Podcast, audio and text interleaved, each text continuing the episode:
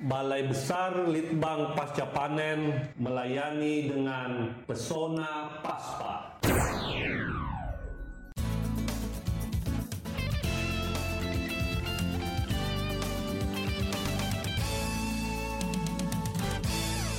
Assalamualaikum warahmatullahi wabarakatuh. Ketemu kembali dengan Dani Medio di Pesona Paspa Podcast.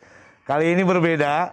Saya tidak di studio tapi saya langsung ke lapangan ke rumah seseorang sebagai narasumber kita, ke rumah pelaku usaha. Hasil dari penelitian digunakan oleh seorang petani, oleh seorang pengrajin. Nanti kita bicara dengan ibu yang satu ini. Kita ketemu dengan beliau. Ya, kita ketemu sekarang dengan Ibu Yayat Priyati. Ibu, Assalamualaikum Ibu. Waalaikumsalam warahmatullahi wabarakatuh. Bu, Ibu sehat Bu? Alhamdulillah. Oke, saya jauh-jauh dari Bogor nih Bu. Kita ke Sukabumi, ini tepatnya di Kabupaten Sukabumi Bu ya. Ya, Tapi lebih dekat ke pegunungan Salabintana Bu ya. ya di Dingin loh Bu. di kota Sisi Saeutik. Di kota sis- sisi Saetik. Nah, Sobat Tani, saya langsung di tempat eh, tinggalnya Ibu Yat Priyati. Ibu Yat Priyati adalah UMKM kita, mitra kita, Badan Libang Pertanian, Ba- Balai Besar Pasca Panen Bu ya. Ibu sekarang lagi dikenal orang nih Bu. Saya sempet loh nyoba yogurtnya Ibu. Produknya Ibu yogurt kan ya. Yogurt itu yogurt itu kan nggak sembarangan kita langsung bikin dari susu. Pasti ada beberapa perlakuan. Iya. Yang tentunya ini yang saya ingin tanyakan. Ibu memproduksi yogurt, eh, kemudian awalnya seperti apa, terus ketemu dengan eh, peneliti Balai, Balai Besar Pasca Panen seperti apa? Cerita dong Ibu Yayat. Eh, terima kasih Pak atas kesempatannya bahwa kami ini diawali dengan melihat situasi lingkungan Oke. bahwa di daerah Kecamatan Sukabumi, tepatnya Selabintana, ada sapi perah. Oh, berarti di sini emang sentra sapi perah ya Sentra Bu ya? perah. Sobat Tani ini Betul. tempat sentra sapi perah. Ya. Eh, setelah itu karena melihat eh, potensi yang ada, kita ingin sekali mengembangkan bahwa susu itu di apa diolah. Oh, jadi Ya. susu teh nggak dijual susu doang gitu Bu ya? Ya. Jadi diolah jadi, Jadi yogurt. minuman dan eh, bisa yogurt, bisa yang lain-lain. Oh gitu. Walaupun pada saat itu yogurt itu tantangannya luar biasa. Masyarakat itu kurang yakin bahwa yogurt itu adalah minuman sehat atau Oke. minuman bagus karena rasanya asam. Katanya ini susu rusak. Oh, Saya gitu. pernah dibawa pameran difasilitasi oleh Pemda. Waktu itu di hadapan kita langsung dibuang dibuang karena susu asam. Asam katanya ya. Nah, Orang nggak tahu Bu ya, padahal Iya. itu susu sehat. susu sehat. Susu sehat itu. Terus terus gimana Bu? seiring dengan waktu Mhm. dan teknologi eh, bahwa terpromosikan melalui media TV, media betul. radio Dan apa lain-lain ya. dan lain-lain apalagi sekarang Sekarang ini ini media podcast Ah, namanya Bu. iya. Oke. Nah, dari sanalah dan kami waktu itu punya motonya ingin meningkatkan gizi masyarakat. Ya, Oke. dengan susu ini kita bisa eh, intinya meningkatkan gizi anak-anak di sekolah.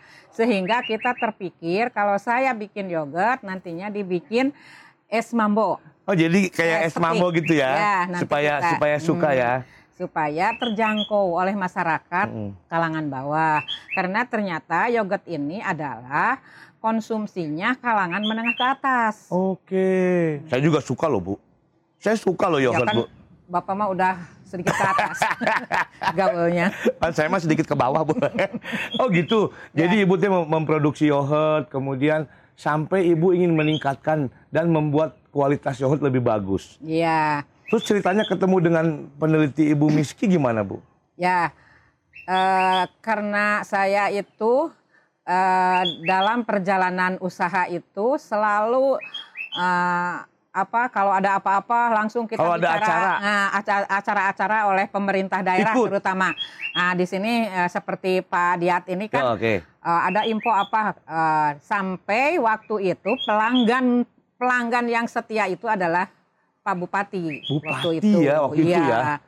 Eh, sehingga yang lainnya juga mengikuti. Akhirnya ya alhamdulillah sampai saat ini perkembangan saya bagus. Pertemuan dengan Peneliti ya. peneliti Di Balai Ba- dari Balai Beskar Pasca Pasca, Panen. Panen Cimanggu itu kebetulan saya diundang dalam salah satu acara Oke. Kementerian ketemu dengan seorang ibu peneliti. Ya.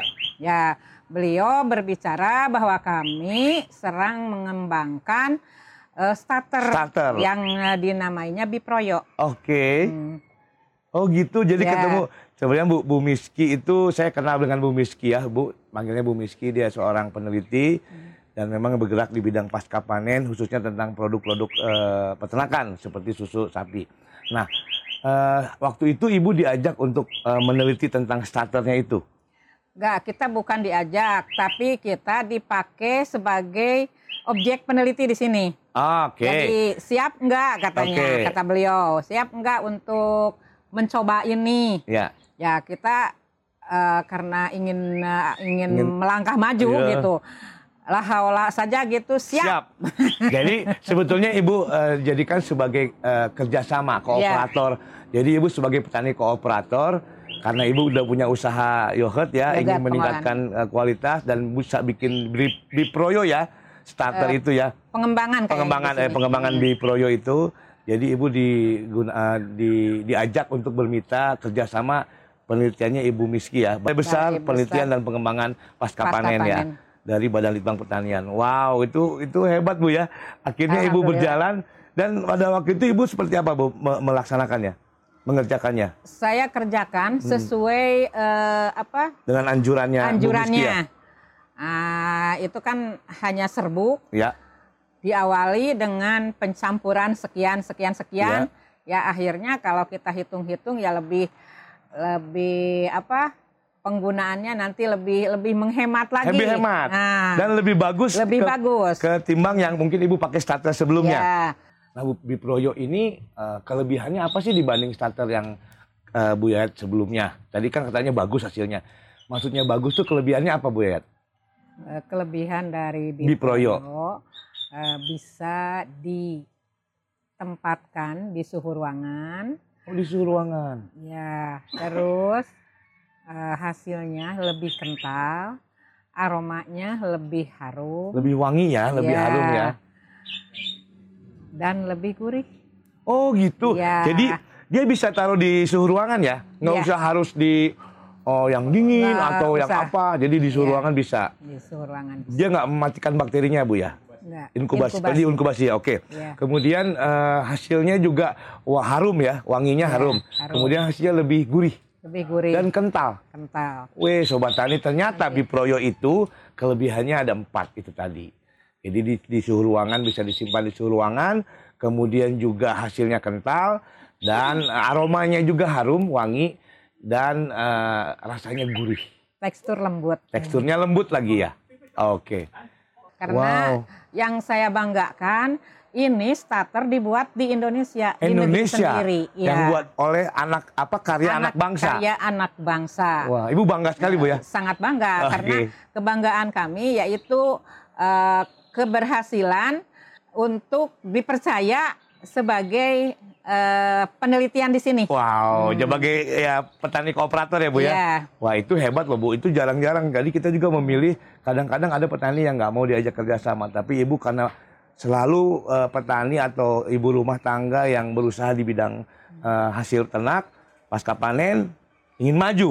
Iya, ibu karena kita ini. ingin maju dan ingin memajukan eh, masyarakat. Wow, Ya. ini hebat ibu. Mudah-mudahan sobat tani ini saya ketemu dengan betul-betul petani, ibu rumah tangga yang memang dia berusaha dan selalu ingin eh, selalu menghasilkan yang ingin berkualitas. Akhirnya bertemu dengan seorang peneliti dari Balai Besar Penelitian dan Pengembangan Pasca Panen Badan Litbang Pertanian, Ibu Miskia SPT MP. Wah ini kalau Bu Miski lihat seneng nih Bu. Iya. Nanti seneng lihat. Nah sekarang sampai saat ini Ibu produknya apa aja? Dari dari Biproyo tadi yang setelah starternya itu Bu. Setelah kami sukses Hmm. eh, melaksanakan eh, starter Ya. di Proyo, alhamdulillah kita bisa mengembangkan lebih luas lagi. Lebih luas lagi. Untuk keturunan-keturunan dari produk susu jadi yogurt. Oke, yogurt kami sekarang sudah punya bolu yogurt. Bolu yogurt. Iya, Nanti ada nggak contohnya Bu kalau yogurt? eh, kalau yogurt mah Ada, banyak. banyak nanti ya. Nanti kita bisa liatin ya ke pemirsa ya, nanti, ke eh, Sobat boleh nanti ya. kita ke Ya. eh, rumah produksi. Oke. Nah, jadi Kemudian kan ada bolu, ada Nah, ada eh, bolu, yogurt. Ada apa lagi? Apa sekarang Kefir. itu sus eh, yogurt goreng. Oh, yogurt goreng. Ada Ih, kefir. ada yogurt goreng, Ibu. Ada. Katanya saya dengar-dengar ada apa eh, tadi Bu? eh, Sekarang yang lagi ngetren itu cirengnya. cirengnya ya. Hmm. Tapi cireng Tapi saya baru cireng susu. Cireng Tapi susu, sebentar kalau sudah agak agak sepi cireng susu mau saya angkat cireng yogurt. Wah, ini jadi pengen Ya. nyoba saya, Bu. Ini sayangnya kita bulan puasa ya. Ya, sayang. sayang Bapak tapi nggak disuguhin. nanti nanti bulan, bulan puasa apa pas beduk bisa dimakan dong ya Bisa. bisa yogurtnya bisa dimakan bisa, bisa. apalagi ibu selain itu tadi ada kefir juga saya lihat Eh, ada tapi banyak nggak produknya udah mulai bagus eh, produknya kita itu terbatas. terbatas ya karena Nah. memang konsumennya juga Ya, memang konsumennya terbatas, Ah. terus kita juga eh, tidak karena ruangan itu khusus yogurt, Banget. kita kefir tidak disatukan dengan Oh yogurt. iya, karena ya karena beda- beda, bakteri. beda bakteri dan Nah, treatmentnya juga beda bu ya Iya, beda. wow ini Jadi ini perlu penataan lebih. saya sudah coba eh, yogurt ibu ada rasa-rasa kan? Ya, kemasannya udah bagus juga kemudian yang untuk eh, untuk anak-anak pakai es kayak es mambo gitu kayak ya mambo. oke Ya. Satu kali tadi aja kita produksi 60 liter untuk yang Wow, es mambo. 60 liter. Ya, Untuk eh, bahan baku produksi susunya di sini ibu nggak susah, nggak nggak kesulitan. Bukan ya? Kita megang empat peternak di sini ya, Ya. udah langganan ya. langganan. Dengan Karena kualitas susunya tentunya yang Kalau tidak langganan, kualitas susu tidak terjamin. Oke, jadi memang ibu udah langganan. Hmm. Sobat Tani, jadi ibu Yayat ini sudah bekerja sama dengan peternak-peternak yang Ya. ada di Sukabumi ini ya bu ya. Dan ini emang tempatnya ya, Ya. dingin tempatnya. Sobat Tani, wah. Bu ada yang mau disampaikan lagi nggak bu? Harapan ibu ke depan seperti apa? Eh, harapan saya ke depan, karena memang eh, kalau saya ini legalitas payung hukumnya P4S. Oh iya, Dalam P4S tiap ya. tahun ini saya punya target eh, kerjasama juga dengan BPP. BPP ini. ya, di sini Ah, penyuluhnya juga udah ini. Minimal kita punya binaan 10 kelompok. Wow, ini Sobat Tani, ini adalah eh, Bu Yayat ini juga mengelola P4S ya Bu ya? Ya, P4S Liseli. ya. Kalau P4S itu Pusat Pelatihan, pedesaan, Pedesaan eh, Pertanian Pedesaan ya. Wah, P4S. Pusat Pelatihan Pertanian Pedesaan Ya. Swadaya. Wah, ini ini hebat sekali Bu P4S-nya. Kemudian ini juga eh, teman-teman jadi kalau mau belajar bisa langsung ke sini ya Bu ya. Bisa langsung di sini. Bisa langsung di sini. Eh, kita punya ruangan ini bisa nampung 20 orangan 20 bisa orang ya. Eh, Itu bisa telepon ke mana? Ke Ibu? Bisa telepon, bisa via email, Via bisa email ya. Teleponnya bisa disebutkan Bu? Eh, Hafal? apa? Hafal dong. Jadi Sobat Tani kalau ada yang pelatihan di sini di P4S bisa menghubungi Bu Yayat langsung ke P4 Triseli. Berapa nomornya Ibu? 0815 Kosong- 635 Ko- Pelan-pelan Bu, pelan-pelan. 0 0815 635 635 200 20053 20053 terakhirnya. Wah, Ibu Yayat yaitu P4S Leslie dan juga bisa menghubungi Balai Besar Pasca Panen dulu Bu ya. Bisa. Balai Besar Pasca Panen kan teman-teman sobat tani udah tahu atau juga bisa berhubungan langsung dengan penyuluhnya yang Ya. ada di sini. BPP Kecamatan Sukabumi eh, Kabupaten Sukabumi. Itu berdekatan banget nih. Ya. Saya lihat saya udah pernah ke BPP-nya dan bisa langsung juga ke Ibu. Oke, mudah-mudahan Ibu nanti Ibu bisa eh, memberikan eh, yang bermanfaat bagi eh, masyarakat yang eh, membutuhkan dan UMKM UMKM juga bisa Bu ya langsung sini. Baik, sobat tani, demikian obrolan saya yang bermakna dengan Ibu Yayat eh, Ibu Yayat Priati, Ibu Yayat Priati yaitu eh, mengelola P4S Leslie dan produknya adalah yogurt dan lain-lain. Bisa ada bolu yogurt juga dan sekarang banyak malah ada kefir juga.